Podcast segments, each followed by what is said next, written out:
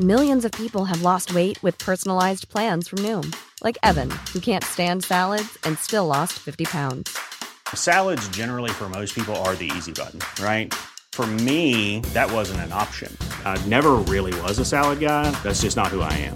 But Noom worked for me. Get your personalized plan today at Noom.com. Real Noom user compensated to provide their story. In four weeks, the typical Noom user can expect to lose one to two pounds per week. Individual results may vary.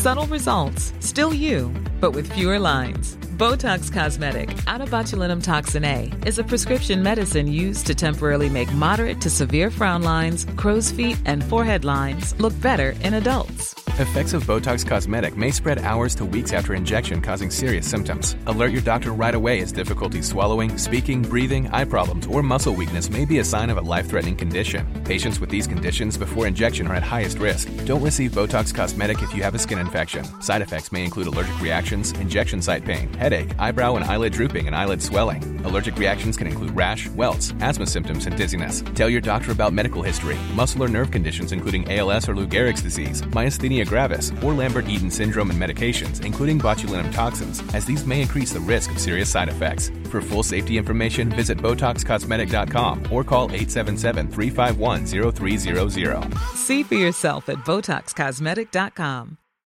The number one selling product of its kind with over 20 years of research and innovation. Botox Cosmetic, out of botulinum toxin A, is a prescription medicine used to temporarily make moderate to severe frown lines, crow's feet, and forehead lines look better in adults. Effects of Botox Cosmetic may spread hours to weeks after injection, causing serious symptoms. Alert your doctor right away as difficulty swallowing, speaking, breathing, eye problems, or muscle weakness may be a sign of a life threatening condition. Patients with these conditions before injection are at highest risk. Don't receive Botox Cosmetic if you have a skin infection. Side effects may include allergic reactions, injection site pain, headache, eyebrow and eyelid drooping, and eyelid swelling. Allergic reactions can include rash, welts, asthma symptoms, and dizziness. Tell your doctor about medical history, muscle or nerve conditions including ALS or Lou Gehrig's disease, myasthenia gravis, or Lambert-Eaton syndrome and medications, including botulinum toxins, as these may increase the risk of serious side effects. For full safety information, visit BotoxCosmetic.com or call 877-351-0300. See for yourself at BotoxCosmetic.com.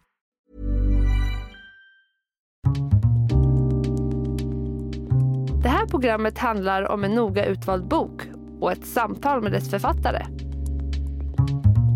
Välkommen till Lära från lärda.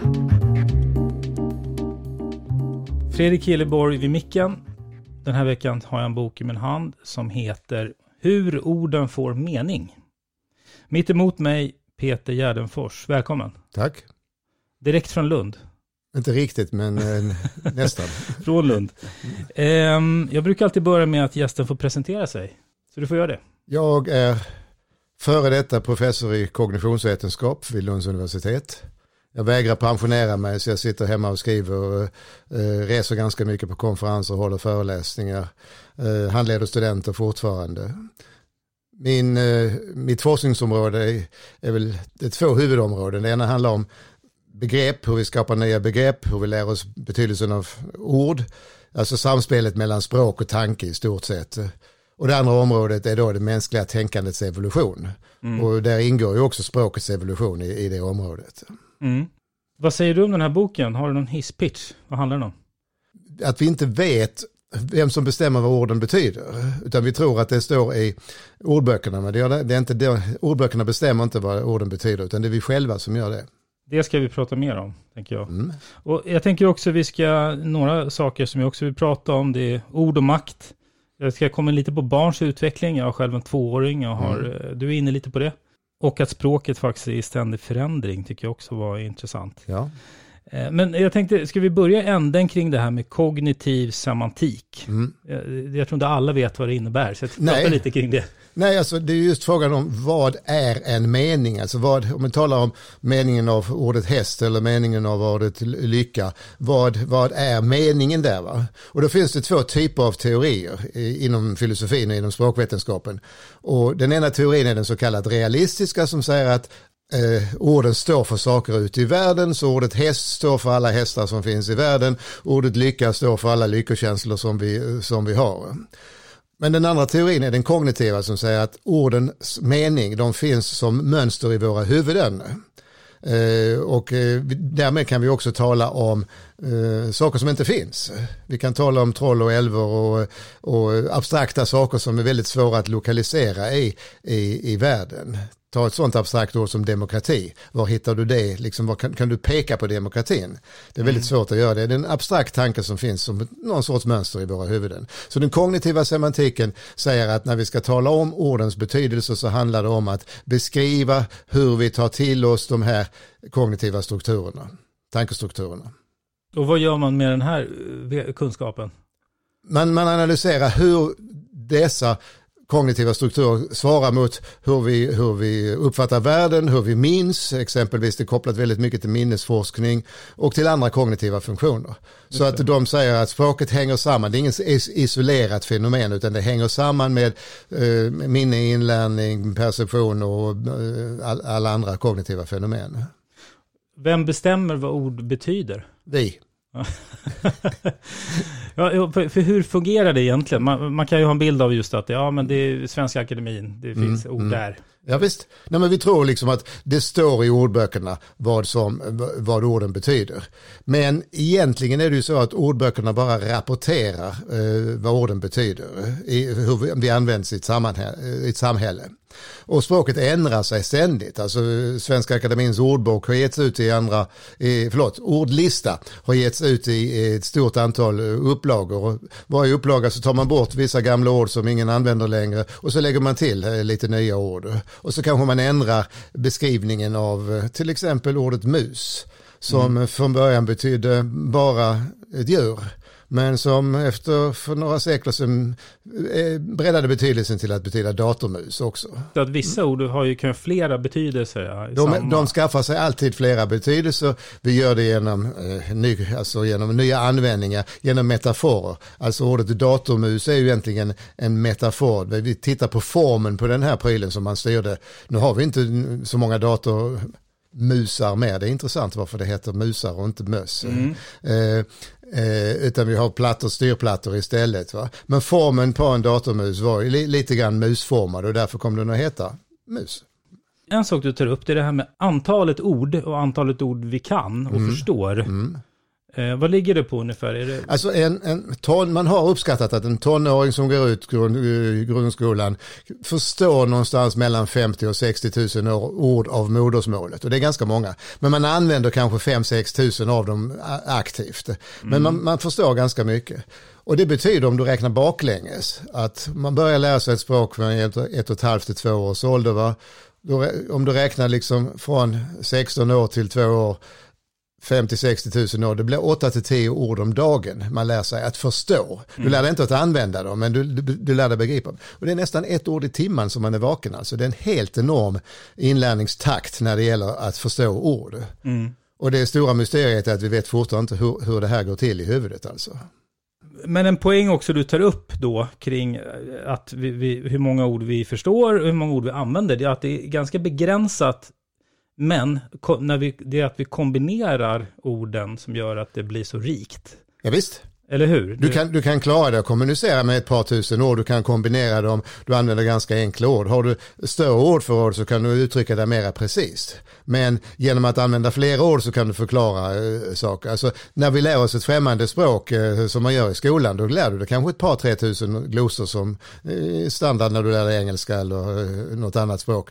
Men, och du kan kommunicera ganska bra för du hittar omvägar att kombinera ord som du inte hade gjort på ditt modersmål för då har du hittat kortare uttryck. Just det. Så det är en balans mellan hur mycket du behöver prata och hur, stort ordförråd du har. Och innebär det här då, om jag, om jag skulle, låt säga att jag kan fyra språk, kan jag då, eh, alltså 50 000 ord gånger fyra, ja, inte modersmål men... Om, om du är flytande på alla så kan du det ja. ja. Det är rätt häftigt. Ja, det är ganska häftigt och det är alltså, helt fantastiskt att vår hjärna klarar av det. Det finns ju folk som talar flera språk flytande. Ja. Men om vi tar ändå ett ord och vad det får för mening. Vi kan ta ett ganska komplicerat ord utifrån liksom att det, det, det har, kan få olika betydelser. Om vi tar invandrare, mm. som vissa kan förknippa med hudfärg, Mm. Eh, Medan det betyder väl de som har invandrat Sverige, hudfärg har ingen betydelse och så vidare. Alltså det, det, det, är ett ord som är lite sådär missförstås och sådär. Men ett sånt ord, vad, hur får det mening? Roten till invandrare är ju att man har vandrat in. Och för länge sedan så vandrade man in i ett land. Jag tror inte det, okej okay, det kommer flyktingar över gränsen fortfarande som vandrar in, men det är ganska, det är ganska sällsynt. Sen har ordet breddats så det används ju på lite olika sätt. Eh, eh, officiellt så ska det användas som folk som inte är födda i Sverige men som, som, som bor eh, permanent i Sverige. Det, det är en invandrare. Men sen har det då fått en massa klang om politisk färgning eh, som kommer med en, en kontext där du använder det på olika sätt. Och denna politiska färgning är ju en, del av den samhälleliga debatten eh, och så vidare.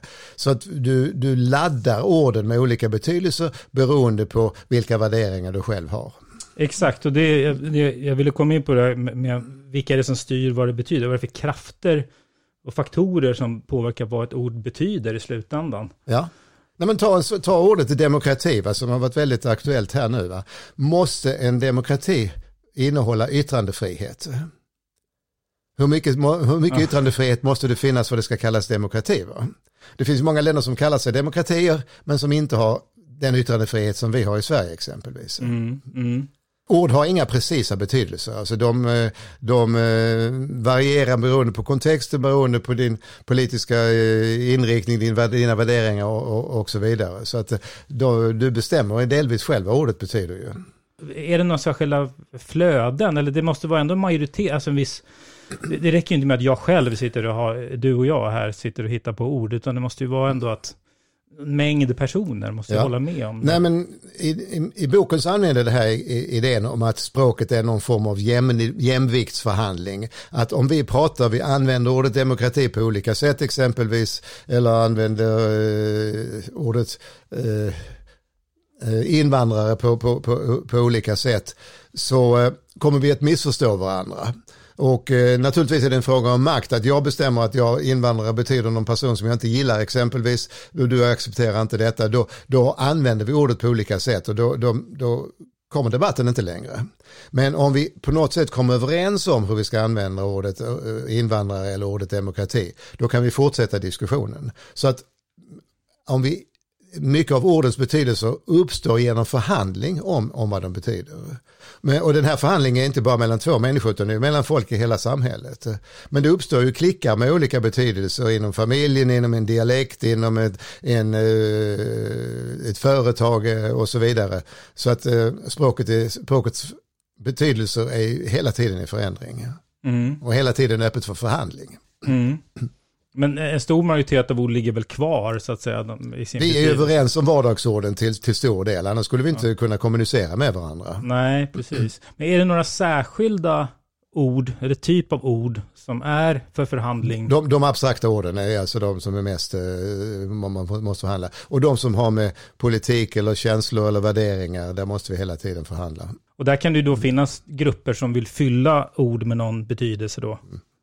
Eh, med någon agenda. Du vill, du vill ta makt över vad ordet betyder helt enkelt? Jag tänker på det också, om man, om man tittar inom akademin och forskare, så finns det ju när, när, många forskare som skriver artiklar har ju en förbläss för att använda ord och nästan trycka in ord så svåra som möjligt så att det inte ska begripas om man inte är, är riktigt insatt.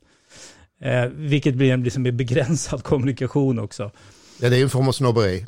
Ja, ja okej. Okay, ja. Är, är det också någon typ av makt eller att man... Eller ja, det är, det är att visa att jag har kontroll över de här orden. Om inte du har det så, så är du inte värd att läsa texten. Mm. Du känner igen det, det fenomenet? Absolut. Det finns tyvärr många akademiker som syndar mot detta. Ja. Mm. Och hur växer ord fram? Har du exempel på några nyord eller några som har växt fram? Ett bra område är ju, för nyord är ju de nya medierna. Och det har vi lånar vi väldigt mycket från engelskan. Så att vi, vi, vi, vi talar om att man skickar ett mail till någon. Från början stavas det som på engelska men nu har vi infört en svensk stavning med M-E-J-L. Och sen har det här vidgats, nu swipar vi, vi scrollar, vi mutar och så vidare. Och alla de här har faktiskt fått svenska stavningar. Så muta är M-J-U-T-A och swipa är S-V-A-J-P-A. Mm. Så att vi, vi tar in de engelska orden men vi gör dem till svenska verb. Vi lägger på ändelsen A för att markera ett, att det är ett verb. Va? Vi gör det till svenska på det sättet. Och sen är många av nyorden också sammansättningar av, av, uh, av tidigare ord. Alltså att uh, ha klimatångest, va? då har, blandar du ihop liksom klimat med ångest. Va? Det, det, det är en ny kombination som inte har funnits innan. Mm. Du skriver också om det här med att mycket kommer från underifrån, alltså åldersmässigt. Mm. Eh, ungdomar, tonåringar kan komma nya uttryck eh, som äldre kan förfasas över hur de Mm. uttrycker sig. Det är ett fenomen som alltså alltid har funnits. Det har alltid funnits. Den äldre generationen har alltid klagat på att ungdomar uttrycker sig slarvigt och slappt. Är är det någonting som du bruk, brukar göra? Eh, eh, jag försöker undvika det, men naturligtvis, jag reagerar på när mina barnbarn inte säger eh, honom utan bara säger han, till Ja. exempel. Va? Det och dem har jag gett upp för, för länge sedan, va? men just det här att markera dativ på, på pronomina, va? det skär mig i öronen fortfarande, där är jag gammalmodig. I ett kapitel så beskriver du här nivåer av kommunikation, vilket jag tycker var intressant. Mm. Då är vi inne på pragmatik. Ja. Den första nivån heter praxis, andra nivån instruktion, tredje nivån samordning av kunskap och fjärde nivån samordning av betydelser. Mm. Alltså där man rör sig mellan. Eh, vill, vill du förklara Ja. varje nivå? Alltså det bästa är att göra det genom ett, ett exempel. Och vi står i köket och ska laga en middag tillsammans. Eh, Jag står och skalar potatis, du står och förbereder grönsakerna. Och eh, det fungerar bra, då, då är det praxis, vi handlar tillsammans. Men sen säger jag, räck mig kniven, därför att jag behöver den till, till potatisen. Då är det en instruktion, jag vill att du ska eh, hjälpa mig med någonting. Och, och sen har vi då en, en information att eh, nu är, nu är ugnen varm, nu kan vi sätta in, eh, det är den tredje nivån, kan vi sätta in eh, potatisen. Men sen så säger jag till dig, räck mig mandolinen. Och då säger du, vad är en mandolin? Jo, det är en sån här apparat som man kan skiva tunt med va? Och den står där i skåpet. Så att då, då, diskuter, då förhandlar vi ordens betydelse, det är den mest eh, avancerade nivån. Om en inte förstår och så förhandlar man, någon kan förklara eller man Precis. heter det, möts där Ja, någonstans. ja. Så att och man rör sig hela tiden kring de här nivåerna.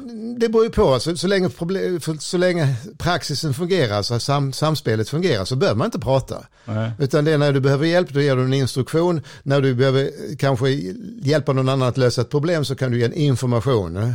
Eller när ni inte förstår varandra, då blir det frågan om vad betyder det här ordet? Eller, ja.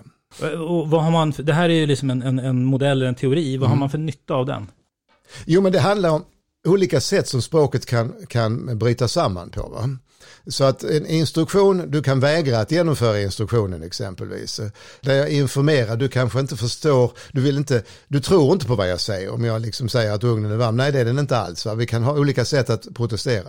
Och när det gäller ordens betydelse så kan vi vara inte vara överens helt enkelt. Eh, Kanske när vi står i köket är det inte så mycket att bråka om vad, vad sakerna heter och så vidare. Men i andra sammanhang kan man bråka om vad, vad någonting egentligen heter.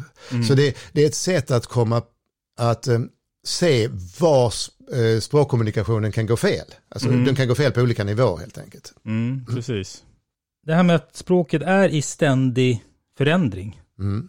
Det innebär ju, och, och det, det märker man ju inte minst om man, du vet, man tittar på en sån här gammal pilsnerfilm. Eh, för inte allt för långt, långt tillbaka i tiden så kan man, oj vad konstigt de pratar.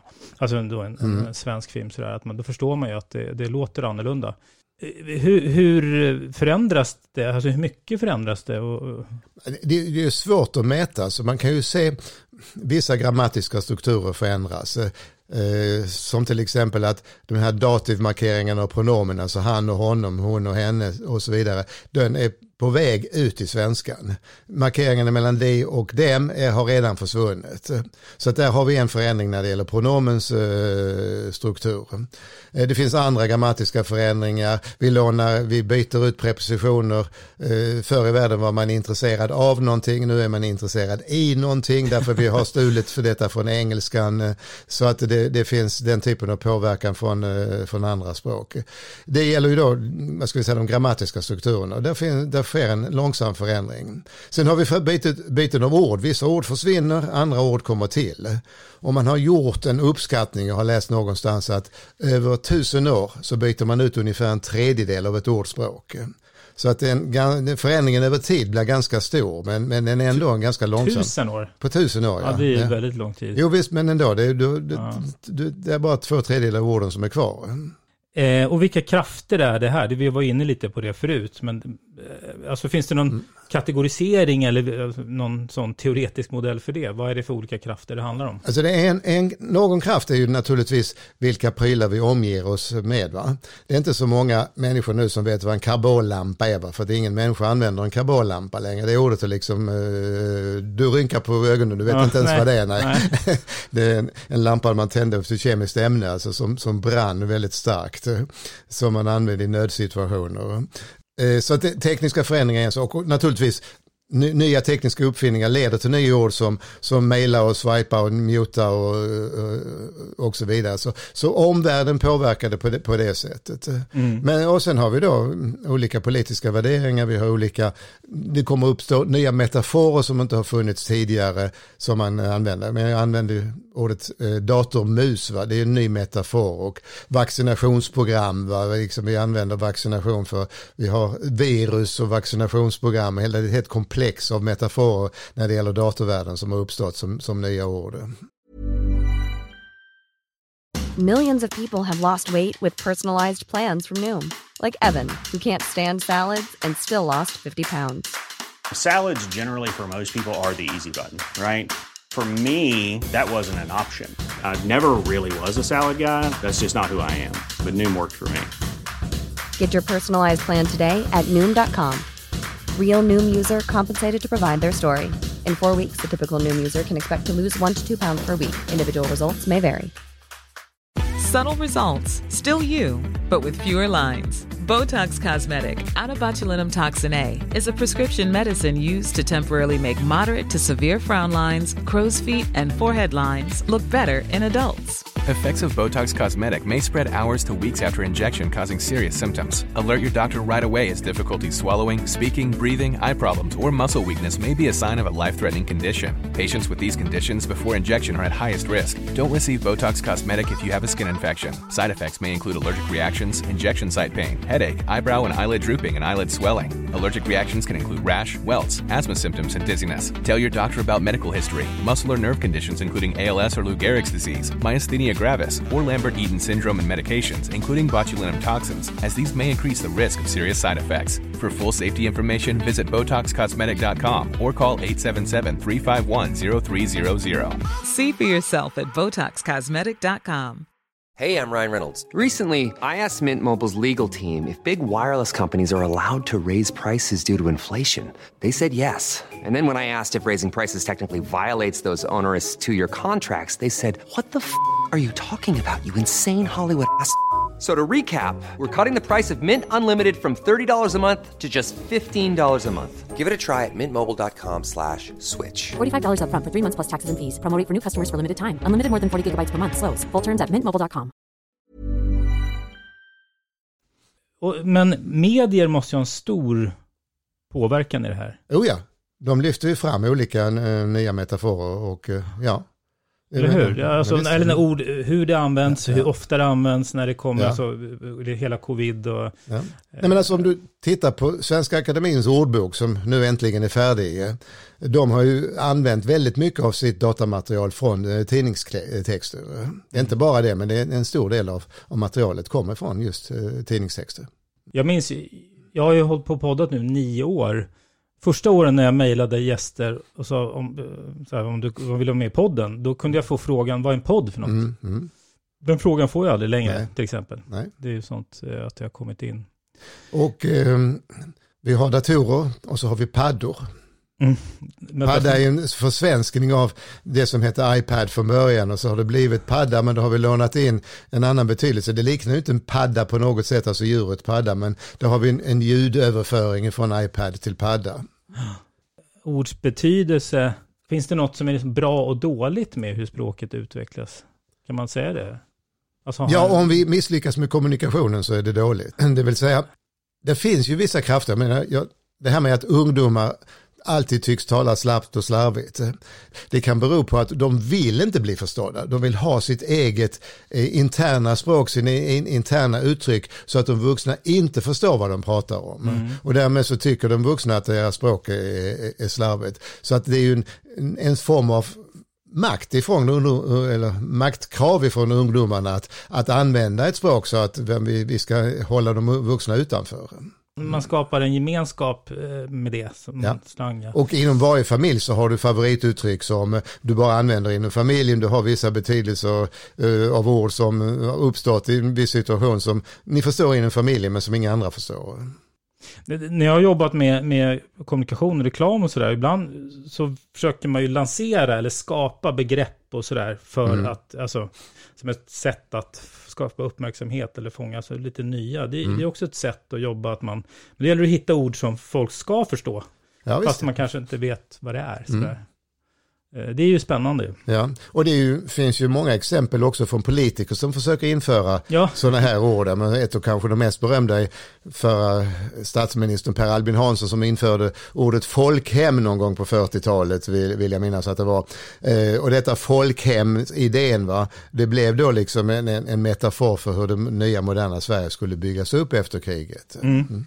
Någonstans kan man ju säga då att målet med språket är ju någonstans att bli förstådd, att kommunicera, Mm. att skapa gemenskap. För om jag går ut och pratar med folk och inte förstår mig, eller jag tror att de förstår mig och inte gör det, så blir det inget bra. Nej, Helt enkelt. Du skriver en del om det här med hur barns utveckling, hur, Mm, hur barn utvecklar sitt språk, vilket är väldigt spännande. Jag, jag har ju en tvååring själv, så att jag, vissa saker har jag noterat, som också du skriver om. Ett exempel är ju till exempel att han kan, an- eller om, jag går och hämtar honom så, så kan något annat barn peka på mig och säga pappa. Mm. Alltså, den, pappa är ett begrepp för män. Sådär. De använder samma ord på något som liknar. Ja, alltså barn är ju väldigt eh, effektiva. De lär sig ord, men så använder de dem på, för att generalisera. Ibland lyckas de, ibland lyckas de inte. Ett exempel jag brukar använda är att om ett barn som bor i en stad bara har lärt sig ordet för hund och katt exempelvis, eh, och så kommer de ut på landet och får se en kalv. Vad kommer barnet att kalla djuret? Hund. hund, därför att det är mer likt en hund. Och då förstår föräldern att eh, de menar, eh, de menar kalven. Och då kan man införa ordet ko eller kalv och lära dem att skilja mellan hundar och kalvar. Ja, och, och- det blir ju ett väldigt, vad ska man säga, ett orätt, orätt sätt att kommunicera, att man, man chansar och fyller i. Eh, Att man, man säger någonting och så ibland blir det rätt, ibland blir det fel. Eh, och och man, har man sett en apelsin så kallar man alla orangea frukter eller bollar för apelsiner. Finns det någon förklaring till det? Att de gör så? Det finns vissa studier där och framförallt eh, föremålens form är väldigt viktigt. När du kallar bollar för apelsiner eller tvärtom apelsiner för bollar, va? då är det ju formen som styr eh, hur du, hur du generaliserar med ordet. Och det här med att använda form som bas, jag menar just även hund och kalv är ju baserat på formen på kalven. Eh, Det är en väldigt stark eh, tendens hos barnen. De tittar inte på vikten eller på färgen eller någonting sånt utan det är, det är formen som avgör vilket ord de, vilket substantiv de använder när de eh, generaliserar. Färg? I viss mån men eh, det, är mycket svagare än formen faktiskt. Vad, vad, vad kan man mer säga om barns utveckling av språket? Att de börjar på en ganska konkret nivå, alltså med, med substantiv, med verb för konkreta handlingar. Adjektiven kommer lite senare faktiskt, alltså tala om egenskaper, för då måste du abstrahera färgen ifrån ett föremål eller storleken och så vidare. Så att det, det, du börjar med de ganska konkreta fenomenen. Eh, sen finns det vi- vissa undantag som har med dagsrutiner och sånt att göra. Va? Men, men eh, pappa som du använder som exempel, det är egentligen en relationsterm. Du är pappa till tvååringen. Men för barnet är det liksom alla vuxna män som dyker upp på dagis, det är pappa. Va? De har liksom generaliserat på det sättet. Precis, det är liksom en, en sak som man kan peka på. Precis, det är inte en relation. där. För sen börjar de ju suga åt sig, eh, nu har ju just apropå tvååring, han har precis börjat fråga vad heter den? Vad, vad heter Ja. den? Alltså när det är något Ja. nytt så. Eh, Det är ganska nytt, och det är väl någonstans i den här åldern de börjar fråga då istället. Och då, då har de lärt sig att, att ting har ord, alltså vi har ord för saker. eh, Och att de vuxna normalt vet det. Och de utgår ifrån faktiskt att alla vuxna betyder exa- använder orden på exakt samma sätt. Ja, de, de, de, de litar på, att vi, vi, Ja. vi har sa- samma användning av orden. Och sen eh, det här med eh, till exempel om man har en spis och så säger man det är varmt, gå inte för nära, det är farligt eh, där. Ja. Då förknippar de kanske spisen med att den är farlig. Ja. Därför att de vill lära sig substantiven först. Alltså det finns en viss preferens för substantiven. Och så säger du farligt som är ett adjektiv, eller ett adverb vad det nu är, ett adjektiv. Förlåt. Då så säger du farligt som är ett adjektiv och då utgår barnet från att du har använt ett substantiv. Och så pekar de på spisen och, och säger farligt. Men de menar egentligen spis. Är det någonting man kan tänka på som vuxen eller förälder till barn med deras språkutveckling? Nej, men man kan vara medveten om detta. Alltså att barn lär sig ord lättast om den har en konkret förankring. Alltså substantiv är lättare att lära sig än adjektiv och så vidare. Verb som handlar om konkreta handlingar är lättare att lära sig än, än abstrakta verb. Eh, så att kan man koppla det till något konkret, kan man införa någon, eh, någon metafor, någon liknelse som, som gör det mer konkret när det gäller att förklara ett ord, så, så hjälper det barnet. Är det därför också det är bra just om man, om man läser eh, alltså i böcker, då, då, mm. då, får man ju se, till exempel i en bok, att någon gör något och man mm. kopplar mm. till ja, Bamse ja. blev arg eller sådär. Ja.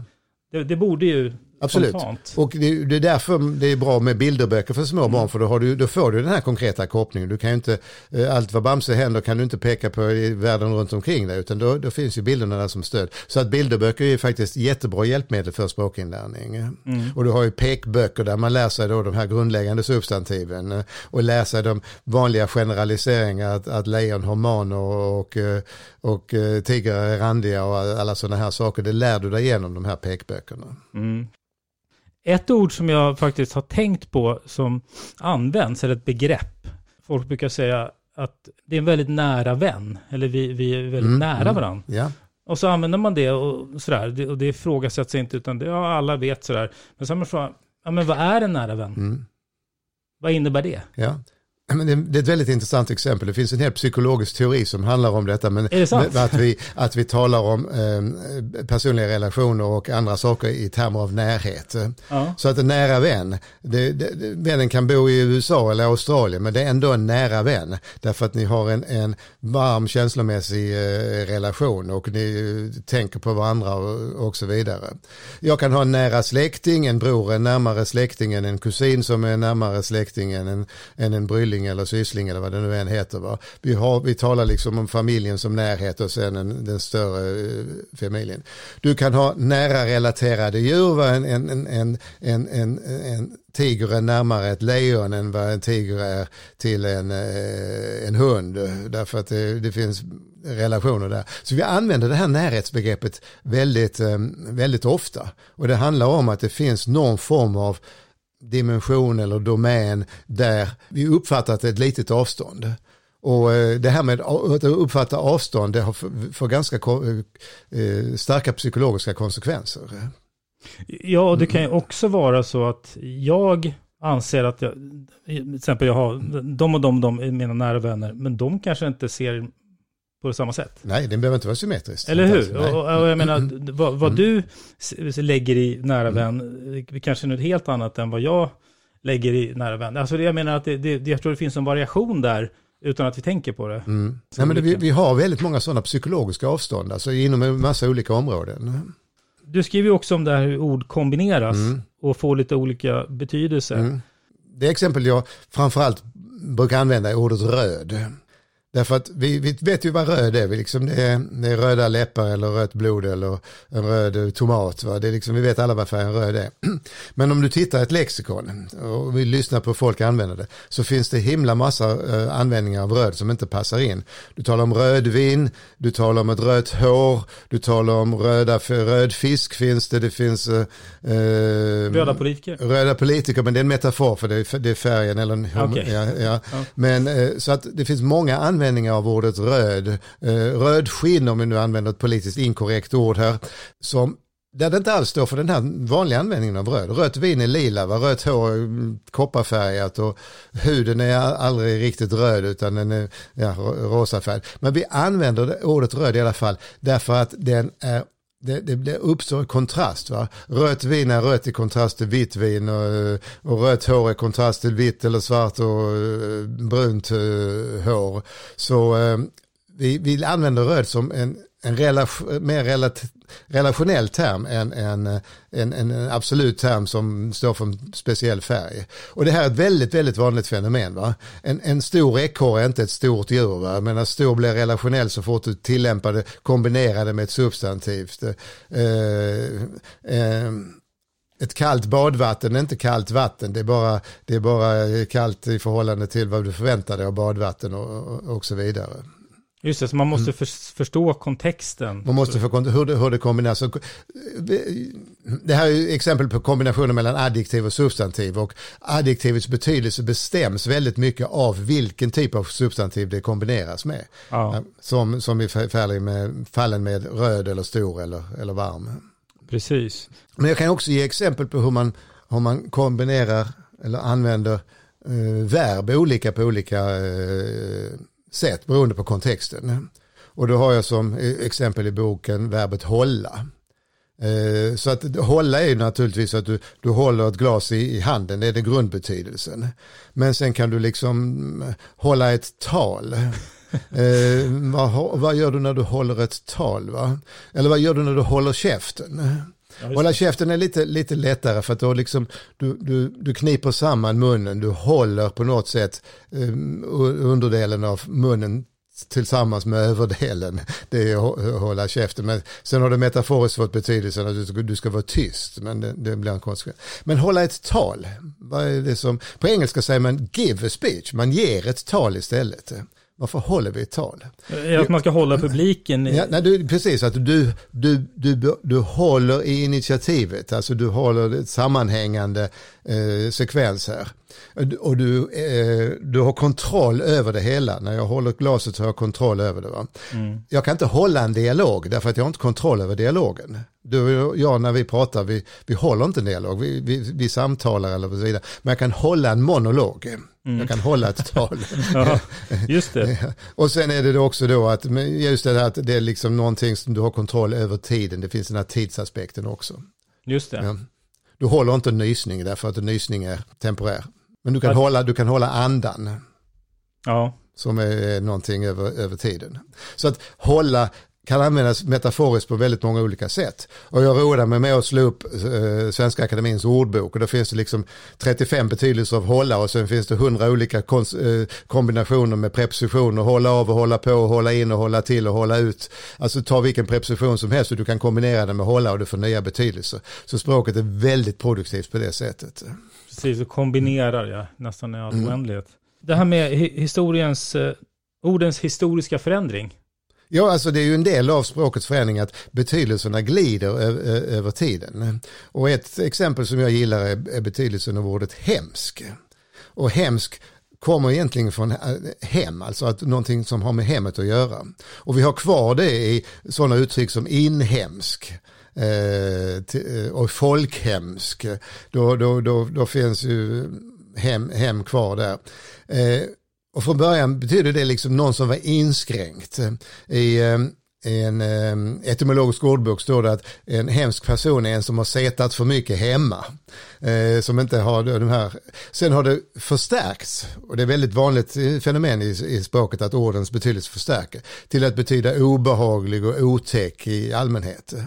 Men under senare tid har det fått en, en, en betydelse av ett allmänt förstärkningsord som man säger att hon är hemskt snygg i den nya klänningen eller ni, det är hem, vi är hemskt glada att ni kommer till festen. Och då har hemskt bara förlorat hela den här betydelsen av otäckt utan det bara betyder väldigt helt enkelt. Just det, ja. det har blivit en helt annan uh, förändring. Så det är en glidning ifrån hem till begränsad till obehaglig till allmänt förstärkningsord.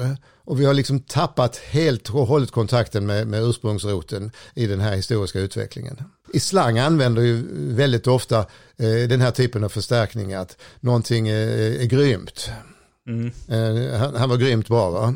Det kommer från grym som är ett obehagligt ord men det har också blivit ett, eh, ett förstärkningsord. Mm. Man kan hitta många exempel på sådana här eh, eh, förändringar inom, inom slanganvändningar av ord som sedan blir standardsvenska. Mm. Men som sista fråga, förutom att läsa boken, har du någon rekommendation till lyssnarna kring ämnet? Um, ta en titt i Svenska Akademins ordbok. Den ligger fritt på nätet. Ta något sånt här standardord. Jag, jag har roat mig med hålla och hemsk. Men ta något annat ord. Ta ett ord sånt som gå som har en fruktansvärd massa betydelser.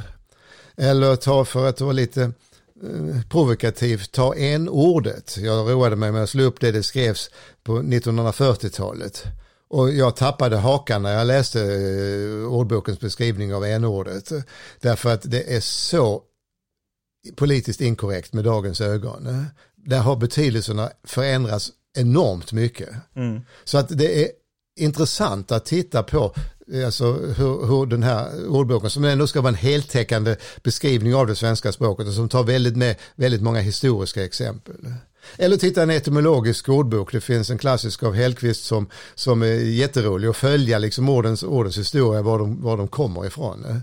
Men eh, det finns väldigt mycket intressant att, att hitta bara genom att, alltså, en enkel ordbok som Akademins ordlista, den bara tar upp grundbetydelsen. Man får inte den här ordens historia eller mångfalden i, i betydelserna som man får om du tittar i, i Svenska Akademins ordbok eller i Hellqvists etymologisk ordbok. De här finns fria på internet så det är bara, man behöver inte ens låna dem på biblioteket. Bra tips. Mm. Tack för att du var med. Tack så mycket.